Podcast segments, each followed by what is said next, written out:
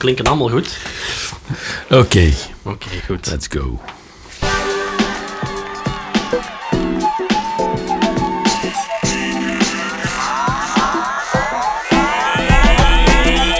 Welkom bij de allereerste aflevering van de officiële podcast van de Mindmates, een initiatief van het Studentengezondheidscentrum van de KU Leuven. Student zijn is, zoals we allemaal wel weten, heel tof, maar soms kan het toch moeilijk zijn, mentaal door stress, leren op eigen benen staan enzovoort. Met de Mindmates geloven we dat studenten een heel belangrijke rol kunnen spelen in de zorg voor hun eigen welbevinden en in de ondersteuning van hun vrienden en ook hun medestudenten.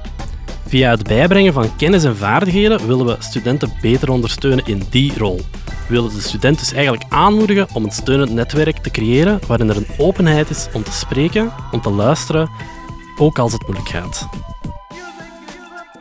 Elke aflevering gaan wij op zoek naar een interessante spreker om vragen aan te stellen rond onder andere psychologisch welzijn, gezondheid en samenleven. Eigenlijk alles dat met studentengezondheid en welbevinden zou kunnen te maken hebben. Het panel dat we daarvoor gebruiken, dat durft wel eens te veranderen, maar ik denk eigenlijk dat dat alleen maar de diversiteit van onze studenten eh, kan vertegenwoordigen.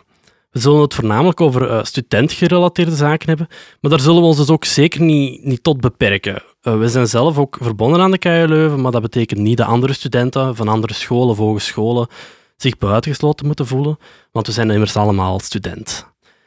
mijn naam is Klanas van Gorp. Ik ben voor vandaag de interviewer. Um, ik ben 25 jaar. Uh, ik zit in mijn schakeljaar psychologie. Ik heb hier voorjaar um, een uh, hogeschooldiploma behaald als psychologisch consulent in Antwerpen aan Thomas More. Um, en ik probeer nu mijn schakeljaar te halen om eventueel door te groeien naar uh, psycholoog.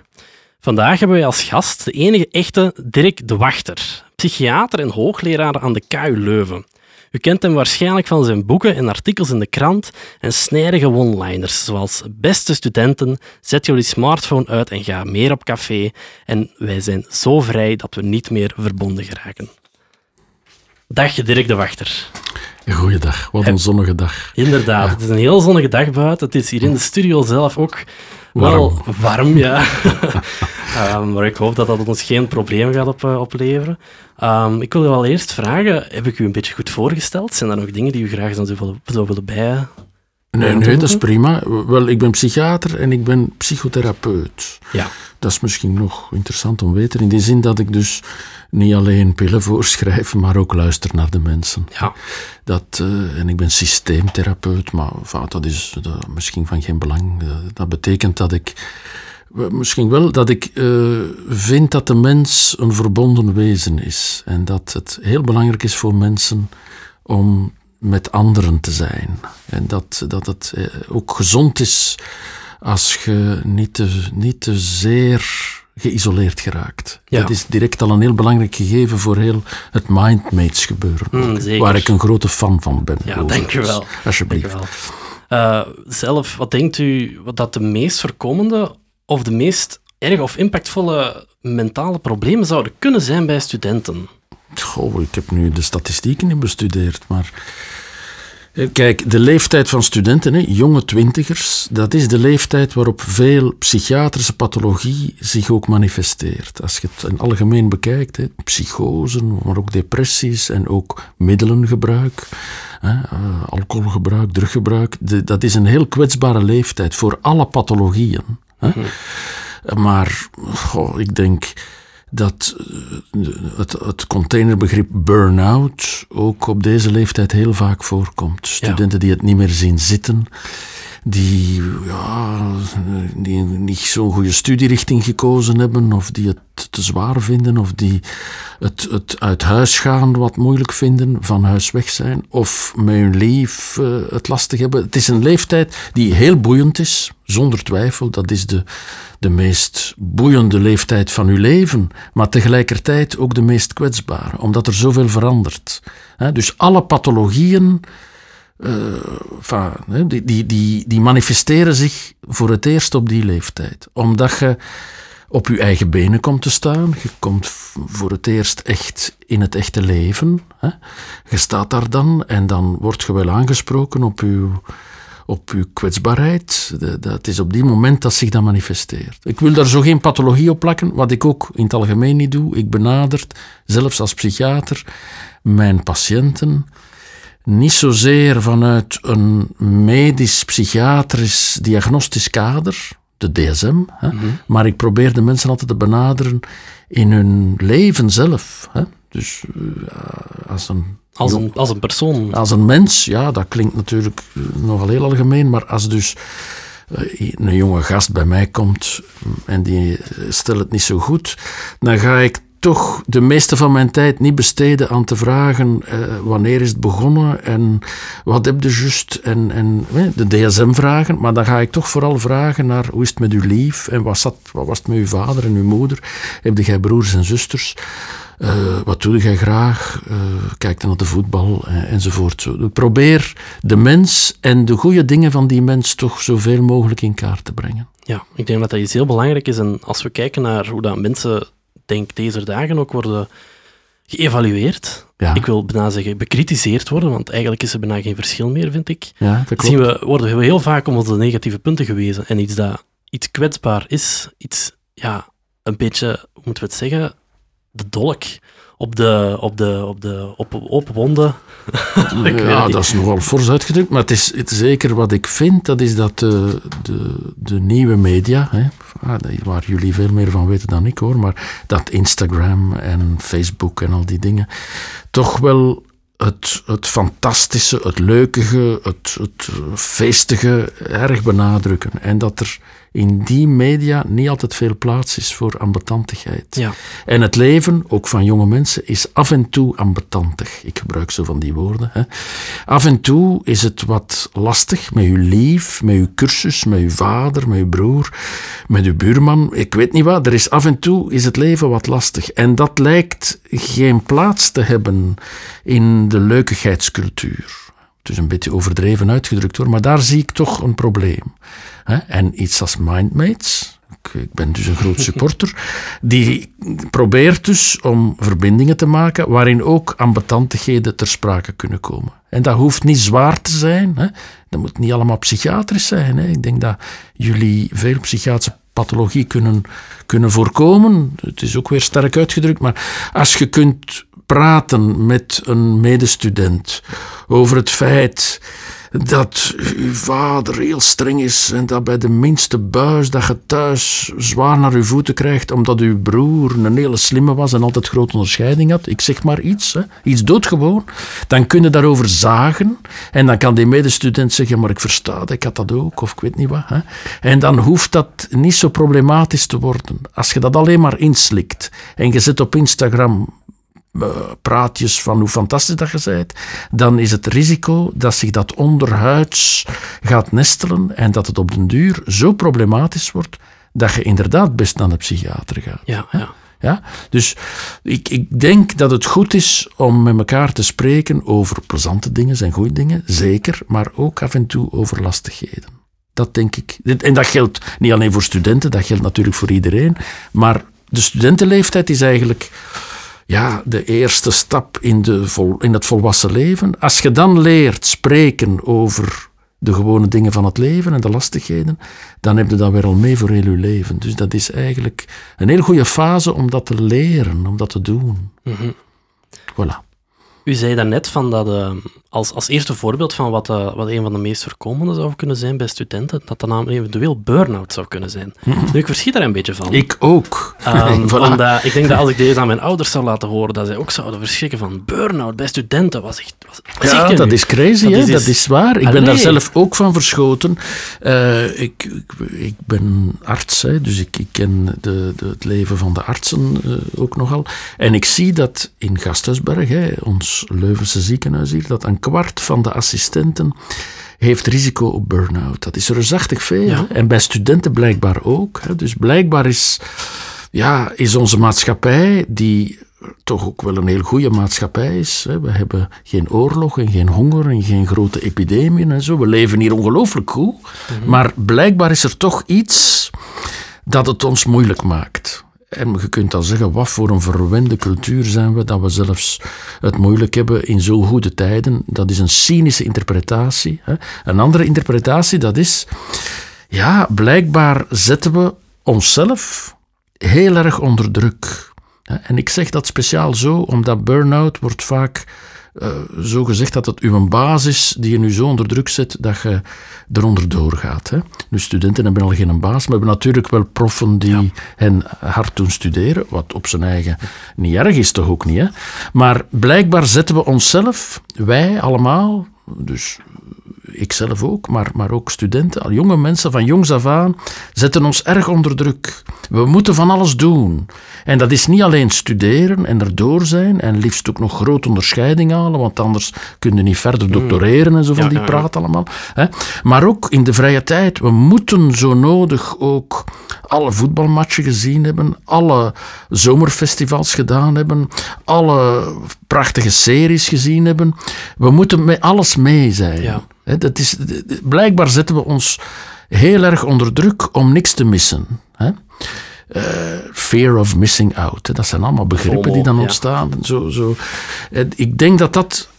Ik, moet voorzichtig zijn omdat dat geen wetenschappelijke uitspraak is, maar ik denk dat er een grote druk is in onze maatschappij om niks te missen en om fantastisch te zijn. Dus daar zet ik tegenover. Ik ben daar inderdaad zo nogal nogal uh, lapidair en zo. Hè. Dan zet ik tegen, wees eens wat gewoon. Hè. Doe eens gewoon. Een keer niet naar Werchter gaan. Ja, Nick Cave komt volgend jaar ook nog wel eens. Hè? Eh, of zo. Hè? Dus doe eens, wat, doe eens een beetje rustig aan. Ja? Blijf eens een avond thuis en uh, zet uw radio op en luistert wat. Of luister naar een podcast ter afwisseling. Hè? Misschien moet er niet altijd de Mont Ventoux oprijden. Misschien kan eh, de Kemmelberg ook. Allee, ik, ik pleit voor gewonigheid. Ja. Omdat ik denk dat we zo fantastisch speciaal willen zijn dat we op onze adem trappen. Mhm. En dat het geldt voor de hele maatschappij. Maar dat begint natuurlijk in die studentenjaren. En blijkt daar al problematisch te zijn. Wat ik zelf ook, ik ben er ook van verschoten hoor. Ja, ik verschiet er soms ook van als je door de, door de straat rijdt, zelfs gewoon. En op een, uh, op een, op een heel doordeweekse dag, tijdens de les bijvoorbeeld. Hoeveel, hoe, hoeveel studenten dat er zijn allereerst. Het zit hier vol met, dat vol is ongelooflijk veel. Ja, ja, ongelooflijk. Ja. Uh, maar ook hoe uniek dat iedereen is. Tot op het punt dat je bijna één grote, gigantische, kleurige mensenmassa hebt waar dat je niemand eigenlijk meer uit herkent. Omdat iedereen eigenlijk uniek is geworden. ja, zo.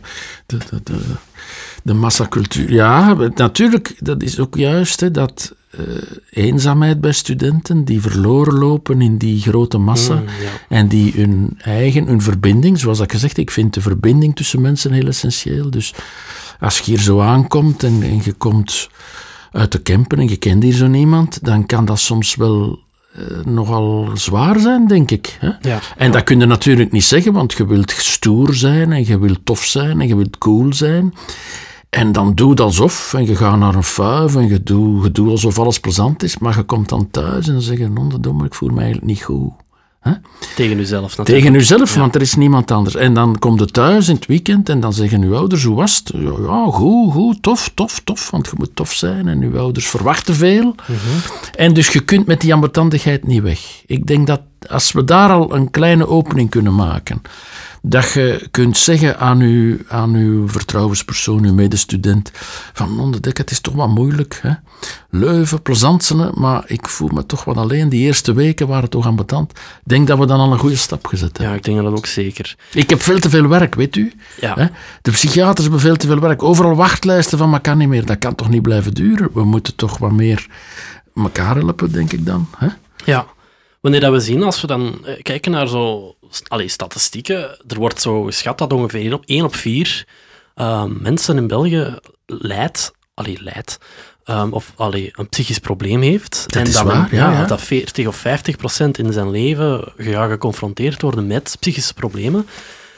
Als we gaan kijken naar hoeveel psychologen dat er zijn, hoeveel psychiaters dat er zijn, is er toch wel een hele grote discrepantie. Mochten die nu allemaal zeggen van ja, we gaan nu allemaal naar de psycholoog, dan, dan, dan ja, Dus misschien goed voor uw latere carrière. Misschien, maar ja. eh, we- ja, ik vind dat maatschappelijk problematisch. Hè. Dus als we morgen het aantal psychiaters verdubbelen, zeg ik altijd, dan hebben die overmorgen opnieuw wachtlijsten. Hè. En ik ben de eerste om laagdrempelig hulp te verlenen en, en zo goed mogelijk eh, mensen te helpen om, om vooruit te komen. Maar dat kan toch niet de bedoeling zijn dat iedereen naar de therapeut moet om te spreken. Dus ik denk dat we daar toch een beetje een getrapt model voor moeten voor ogen houden, waarbij als je gewoon, als het uit is met je lief, ja, spreek met je vrienden, spreek met je broer, spreek met ik weet niet wie dat je daarin vertrouwt enzovoort. En, en dat zal goed doen en dat is misschien al voldoende. Hè? Ja. En als dat dan niet gaat, ja, dan moeten we misschien inderdaad naar, in eerste plaats naar de huisarts, vind ik altijd, om eens te zeggen van, wat is dat hier allemaal? En die kan dan zien van, doe het even rustig aan, hè, we zullen wel zien, kom volgende week nog eens terug. En dan pas, tweede lijn, komt de psycholoog, de therapeut en de psychiater moet nog een beetje meer op afstand blijven. We moeten niet te snel mensen psychiatriseren. Hè? Want ik vind dat problematisch. Op den duur hebben we allemaal een diagnose. Hè? En dan zeg ik altijd een beetje onnozel, eh dan zouden we een zelfhulpgroep moeten maken van mensen die nog geen diagnose hebben. Ja. Die dan samenkomen en zeggen, wat is dat toch met ons? Wij hebben zo niks. Hè? Die gaan dan wel tristig worden en bij de depressies kunnen aansluiten. Ja, hè? Maar dus, we, we, we krijgen dus een maatschappij die ja, psychiatriseert, die, die, waar iedereen zijn therapeut dan heeft om mee te spreken. Ik denk dat we meer met elkaar moeten spreken. Zo, zo zie ik dat. We lijken toch af te stevenen op een wereld die erg individualiseert, waarin dat individu zich inbunkert in een imago van fantastigheid, van, van sterk en cool en, en leuk en alles zijn wat dat, wat dat niet kan. En waarbij er geen plaats meer is voor ambetantigheid. ja, voor ademruimte. Juist. Ja. Nu, uit uw boek, ehm, ik heb destijds uw boek gelezen van ehm, Borderline Times. En ik, ik hoorde u nu vertellen en ik, hoor, ik, kan mij eigenlijk een heel mooie quote van uzelf eraan ja. koppelen. Liever dan haar eigen fouten en zwaktes te onderkennen, duwt de samenleving al wat er misgaat overboord en kleeft er diagnostisch een psychiatrisch labeltje op. Ja, het is juist wat ik eh, gezegd heb. Ja, ja, ja. Dus ik probeer die, die etikettering toch wat, wat mm, rustig te houden. In die zin, etiketten, psychiatrische diagnostiek, de DSM, is nuttig voor artsen en therapeuten om met elkaar wat te, te converseren, te weten wat het over gaat. Is nuttig eventueel voor medicamenteuze behandeling. Is nuttig voor onderzoek. En is heel nuttig om eh werkonbekwaamheid en andere attesteringen te voorzien als dat nodig is. Ja. Hè. Maar voor therapeutische gesprekken is het contraproductief. hè. Als ik met een patiënt spreek, dan wil ik niet met een depressie spreken of met een psychose, maar met een mens en zijn verhaal. En zijn verbindingen.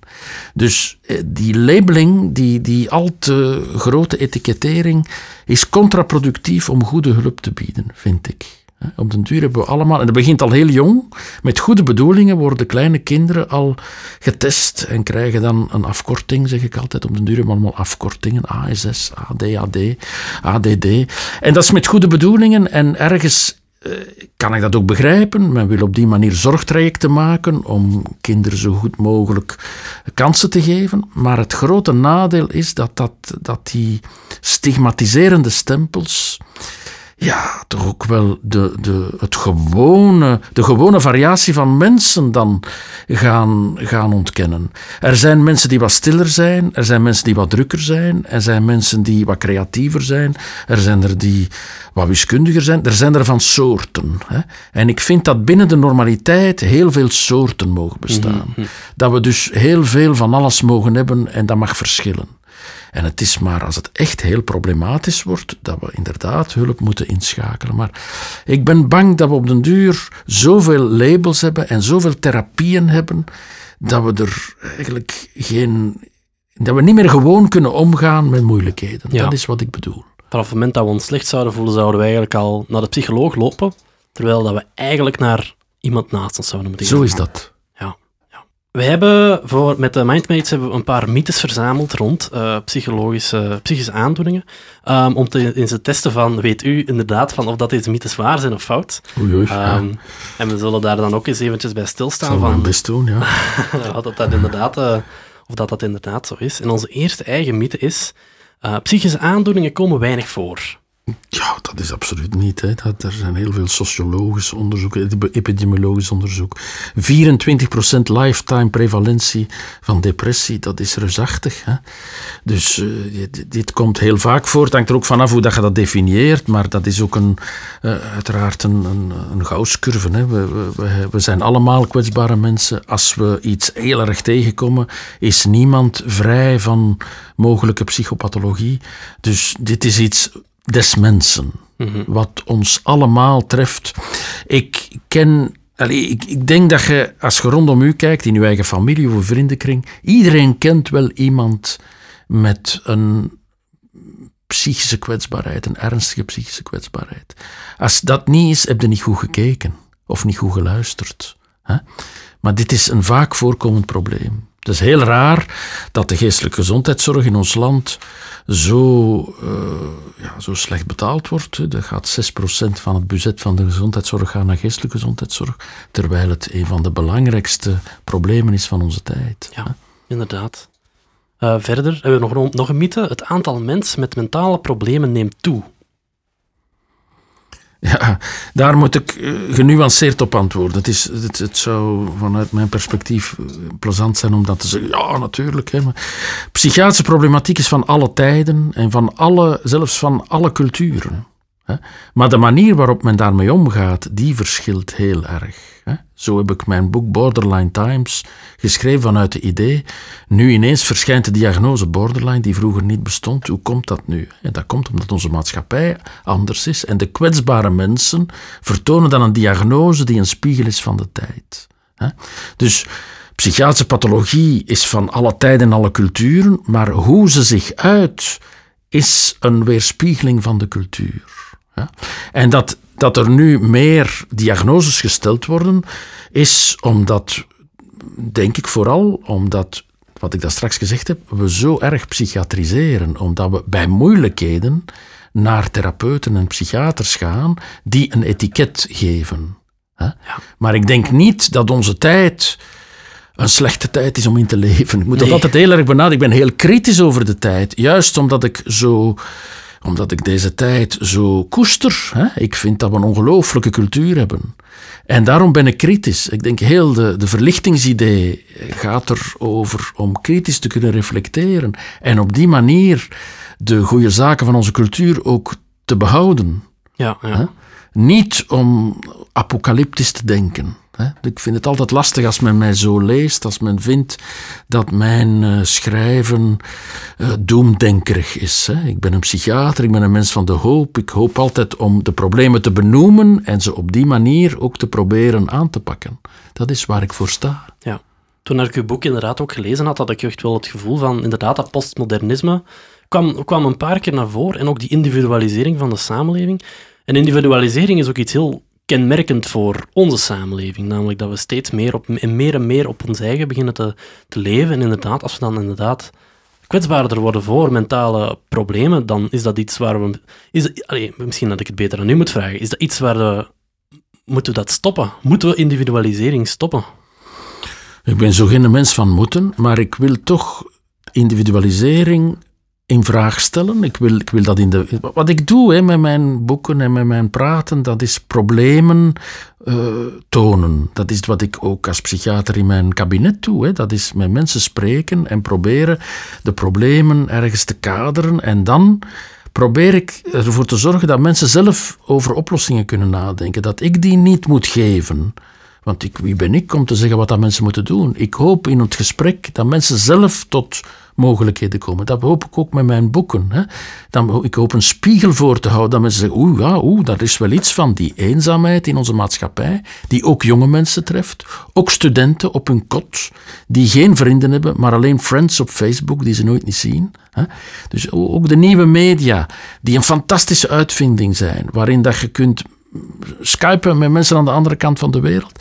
Maar het nadeel is dat we achter ons scherm blijven zitten en niet meer op café gaan bij wijze van spreken. Dat we blijven geïsoleerd uh, achter ons scherm zitten mhm. en elkaar niet in de ogen kijken en vastpakken. Zo zeg ik dat dan. Dat vind ik iets om op te letten. Dat vind ik niet dat ik denk van oeh, de wereld gaat naar de knoppen. Ik denk wel van let daarop, want die ikkigheid, die inbunkering, die, die, die op zichzelf staandheid van mensen, ook jonge mensen, dreigt tot eenzaamheid te leiden. En die eenzaamheid dreigt dan psychische moeilijkheden naar buiten te brengen. Om, Als psychische problemen, kwetsbaarheden niet kunnen gedeeld worden, dan kruipen ze onder de huid en worden ze mogelijk pathologisch. Dat is de hypothese. Ja, dat moeten we uiteraard proberen te voorkomen. Dat denk ik, ja. Verder hebben we ook nog een, eh, een kort vragenrondje. We hebben op uh, Facebook inderdaad. Ja, ja goed zo, ja. geen probleem. Ja, op uh, een keer, uh, keer gepost van welke vragen zouden jullie nu eens aan Dirk de Wachter willen stellen? Ah, ja, ja. En een, van de, een van de medewerkers van de podcast had eigenlijk een, een interessante vraag, specifiek over het medicaliseren van psychische stoornissen. Um, ik, zal hem, ik zal hem even voorlezen. Um, ze vroeg zich af of dat het medicaliseren van psychische stoornissen, bijvoorbeeld depressie, buiten noodsituaties mensen de kans ontneemt om eigen mentale strategieën te ontwikkelen. Ja, ja, ja, dat is, het is nogal zwart-wit gezegd, maar dat is dus ook wat ik vind. Hè. Dus als je het lastig hebt en je gaat onmiddellijk naar een dokter die dan een oplossing geeft. Een goede dokter zal dan geen oplossing geven, maar zeggen van, tja, wat is er aan de hand? Zou dus niet gaan spreken met uw vrienden en met uw zuster en wat is, hoe is dat met uw moeder en uw vader? Maar als je dat dan onmiddellijk psychiatriseert, dan ontneemt je u inderdaad de mogelijkheid om oplossingen te gaan zoeken. Maar ik hoop dat het niet waar is, dat er dan al te snel een pil gegeven wordt. Hè? Zegt, ik voel me niet zo goed, kan niet goed slapen, ik voel me ambetant, ben af en toe angstig. Een slechte dokter, zou ik maar zeggen, die stelt niet verder vragen, die zegt van, voilà, neem een Prozac, één per dag. Hè? Ik hoop dat het niet te veel gebeurt, maar ik vrees dat het nogal eens gebeurt. Hè. Antidepressiva worden massaal voorgeschreven voor allerlei problemen die zich beter oplossen door erover te spreken. Als het uit is met uw lief, moet je geen Prozac nemen. Misschien uw lief wel, zeg ik dan altijd. maar je moet daarover spreken enzovoort. En als dat niet lukt en je blijft daarin zitten en je bent heel erg uh, triest en, en dat blijft maar duren en het lukt niet en je spreekt er met mensen over, dan is het misschien nuttig om naar een psychiater te gaan, die dan met u spreekt en die dan eventueel beslist een antidepressivum te geven. Ik ben niet tegen antidepressiva, hè? laat dat duidelijk zijn, maar wel voor de juiste indicatie. Voor die indicatie, wat zou dan die indicatie specifiek zijn? dan gaat het over depressie in de psychiatrische zin van het woord, met, met de, de, de klassieke symptomen, zoals uh, diepe tristesse en lichamelijke symptomen, slapeloosheid, niet meer kunnen eten, vermageren, verdikken, al dat soort van symptomen die we in de cursus psychologie zullen behandelen. maar niet als je zegt, ja, gisteren eh, was mijn lief met een ander en nu voel ik me zo aan mijn tand. Ja, dan moet je daar eens goed met je beste vrienden en vriendinnen over spreken en zeggen, ja, maar ik heb altijd een ambetantrik gevonden of zoiets. Hè. En ja. eens goed uitgaan en uh, ik weet niet wat, alleen de gewone dingen die, die het leven te bieden heeft. Hè. Ja, ja. Dus u een keer slecht voelen, dat is geen indicatie. Ja, dat is nog een ander thema. Ja. Dat is zelfs, nu, nu, nu heb je mij daar op een goed thema. Uh, ik vind het nodig dat je je af en toe een beetje slecht voelt. Dat is onnozel gezegd, maar uh, het kan niet anders. Het leven is af en toe wat ambetant. Ja. Dat is niet erg. Iemand die zegt van ik heb me nog nooit slecht gevoeld, dan denk ik oei, die moet pillen krijgen. Ja, ja, dat... dat... is iets uh, niet normaal. Hè? Dus het leven is af en toe ambetant. Af en toe heb je een conflict met vrienden, met, met ouders, met, uh, met, met, met, uw lief, met broers en zusters. Dat is het leven. Hè? Dus je er ambetant bij voelen, dat mag. Dat is niet erg. Uh, ga een pintje drinken, niet te veel ook niet natuurlijk, maar een pintje. Zet u in de zon, uh, doe even iets anders, ga eens lopen of ik weet niet, doe, doe gewoon. Hè. Maar slecht voelen hoort bij het leven en mag. Ja. Hè. Dat is echt een thema waar ik de laatste tijd veel mee bezig ben. Ja. Het lijkt alsof we in zo'n hyper, bijna maniforme cultuur terechtkomen. Dat, het moet altijd partytime zijn. En het mag van mij, ik ben absoluut geen, geen man die het lijden wil op de kaart zetten, absoluut niet. Amuseer je zoveel dat je wilt. Maar af en toe, tussen twee vuiven in, kan het af en toe een beetje minder plezant zijn. Je moet trouwens ook studeren tussen twee vuiven in. Dus eh, het, de ambetantigheden horen bij het leven. Laat het van een psychiater gezegd zijn. Als we de dieptes niet ervaren, kunnen we de toppen ook niet. Ook zoiets, dat is waar, ja, ja. Verder hebben we nog een vraag. Waar komen stigma's vandaan uit onze samenleving? Voor een vrij land zijn voor een vrij land te zijn, mogen er, mag er eigenlijk niet veel. Voorbeelden daarvan zijn bijvoorbeeld te veel sociale media, te veel alcohol- en druggebruik, het hebben van een psychische aandoening, dat is al iets waar dat je eigenlijk bijna niks zelf aan kunt doen. Polyamorie, et cetera, et cetera, Dat zijn heel verschillende dingen. Ja, heel veel divers. ja, het is blijkbaar des mensen. Hè. Dat, het is, het is uh, eigenlijk Kijk, de, hoe moet ik dat nu verklaren? Het is een soort Aristotelische oefening. Hè. De, de, de, de wereld is, is een heel complex gegeven, zeker onze wereld. Hè, is heel ingewikkeld. En om die wereld te kunnen leven, maakt de mens categorieën, maakt de mens eigenlijk ordeningen. Dus dat is ook wel normaal. Dat is ook, we, maken ordeningen, in, ook, ook bijvoorbeeld de ordening van. Eh, mannen en vrouwen en uh, Vlamingen en, en migranten. Hè? Zo van die, zijn heel eh, ordeningen waar we heel kritisch over reflecteren en terecht. En mensen die vrolijk zijn en mensen die zich slecht voelen. Dus het is des mensen om te categoriseren. Tot daar hoeft dat geen probleem te zijn. Maar als die categorieën ook dan stigmatiserende entiteiten worden, dan is het wel een probleem. Dan gaan wij denken, ah, migranten, bijvoorbeeld, de categorie migranten, die uh, zijn allemaal potentiële terroristen. Ik zeg maar wat, het is heel extreem gezegd, maar dat soort idee durft te leven. Of mensen die, nu zit ik in mijn terrein, die uh, medicatie nodig hebben voor hun depressie, die zijn levenslang eigenlijk ziek en daar is verder beroepsmatig niks mee aan te vangen. Of iemand die een psychose heeft gehad, dat is gek en gevaarlijk. En die moet je vermijden en opsluiten. Dus als er aan die categorieën dan en meestal hoogst verkeerdelijk, als je het wetenschappelijk bekijkt, hoogst verkeerdelijk eigenschappen worden aan toegedicht, categorisch, zonder naar het individu en het verhaal te kijken, dan loopt het natuurlijk mis. Hè. Maar het categoriseren zelf is natuurlijk des mensen. Hè. Mhm. De wereld is zo complex en we kunnen daar niet aan uit. En dan gaan wij ja, toch wel nogal automatisch categorieën maken.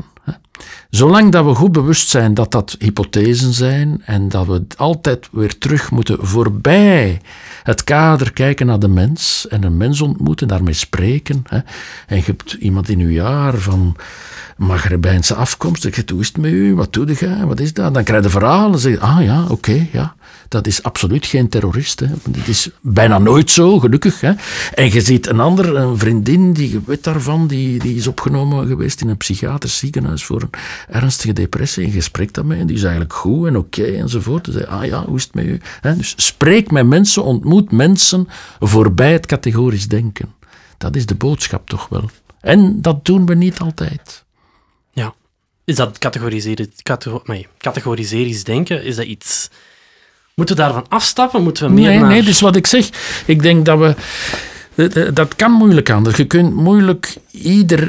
Het is, het is heel erg des mensen. Maar we moeten zelf kritisch daar naar kijken. We moeten zien dat die categorieën niet absoluut zijn. Dat mensen maar zeg je, kleine mensen en grote mensen, dat dat allemaal mensen zijn. Hè? En natuurlijk, als je heel klein bent, dan zijn ze minder geschikt voor het basket. Hè? Maar wel heel geschikt voor, voor jockey te worden of zo. Dus het is altijd wel een voor- en een nadeel aan. Eh, dus probeer voorbij die soms heel oppervlakkige categorieën te kijken. Hè? Maar we doen dat wel. Dus het, het heeft geen zin om te zeggen dat mag niet. Ik ben trouwens een mens die niet vaak vindt dat dit niet mag. Ik vind dat er van alles moet kunnen. Dus denk gerust, oh, wat is dat? Maar probeer in een soort zelfkritische reflectie te zeggen, wat ben ik nu aan het doen? Allee, ik zie hier uh, een vrouw. Dan denk ik, uh, dat is dus iemand die voor het huishouden moet zorgen. Alsjeblieft zeg. Hè? Dat gaan we toch niet meer doen in deze tijd. En toch zit dat er heel erg in. Hè? Dus mhm, ik kan u mhm. niet kwalijk nemen dat je die gedachte zou hebben. Maar ik kan u wel kwalijk nemen dat je daar niet kritisch over reflecteert. En zegt van, ah ja, maar nee, deze vrouw is de beste van mijn jaar. Die gaat nog eens carrière maken. Zal ik de afwas wel doen? Bijvoorbeeld. Bijvoorbeeld, ja. Ja. Nu, een iets minder uh, serieuze vraag. Um, oh, dat is ook goed. Ja, die, die, moet niet altijd even, de boog moet dan niet altijd even gespannen staan. Bent u een honden- of een kattenmens? Ah ja, dat is een, ik ben een kattenmens. Dat, eh, ik, uh, ja, ja. Uh, ik heb 17 jaar en half uh, bij mij thuis een kat gehad. Een kartuizer. Zo'n prachtige grijze kat ja. die, die voor, de, voor de Shiba gebruikt wordt. Een prachtig beest en die sliep 22 uur per 24 uur. Ik, ik, ik nam s'morgens uh, ging ik werken en als ik s'avonds terug thuis kwam, zat ze nog op dezelfde plaats. Een soort Garfield zo. Heerlijk. Je keek ernaar en je kwam tot rust. Een, een fantastisch heerlijk beest. Ja. Die echt ons gezin een stuk heeft gedragen. Ja. Oh, zeker kattenmens, ja. Heeft u momenteel nog, nog huisdieren? Het lieve beest is, is eerst gedementeerd, uh, vond haar weg niet meer enzovoort. En is dan rustig overleden. Mijn kinderen waren erbij. Uh, ze was een goede stervensbegeleiding en palliatieve zorg. Het is goed verlopen. Maar omdat ik, mijn kinderen zijn nu volwassen en het huis uit. En ik ben zelf door mijn beroep ook heel veel weg. En daardoor is het niet meer praktisch om zo'n beest in huis te hebben. Maar anders zou ik dat nog wel graag hebben. Ik heb heel veel deugd gehad van die kat. Ja. Ik heb die kat in der tijd aangeschaft omdat mijn vader, die ondertussen overleden is, mijn vader was een grote kattenliefhebber. Maar mijn moeder had een grote angst voor katten. En dus hebben wij bij mijn thuis, in, mijn gezin van oorsprong, nooit een kat gehad. En dus als ik een eigen gezin had, uh, schafte ik mij een kat aan. En mijn vader kwam altijd met veel plezier. En mijn moeder vond het ambetant, maar op een ander vond ze het nog te doen. Zo. Ja, ja. Dus als, als mijn ouders bij mij thuis kwamen, ging mijn vader altijd onmiddellijk naar de kat. Hij zag de kinderen amper staan. Dus ik ben een kattenmens. Ja. Bij dat leuke, het laatste leuk aan het dood te komen, dan ook tevens tot het einde van uh, onze allereerste aflevering van uh, The Mindmates On Air. Met mij, Clannes van Gorp, en onze gast Dirk de Wachter. Vergeet niet om onze Facebookpagina te volgen van Mindmates, waar in de toekomst andere podcasts zullen verschijnen, maar ook regelmatig handige tips, interessante weetjes over mentale gezondheid, diverse activiteiten en events, info over workshops voor studenten van de KU Leuven, enzovoort, enzovoort, enzovoort, zullen verschijnen.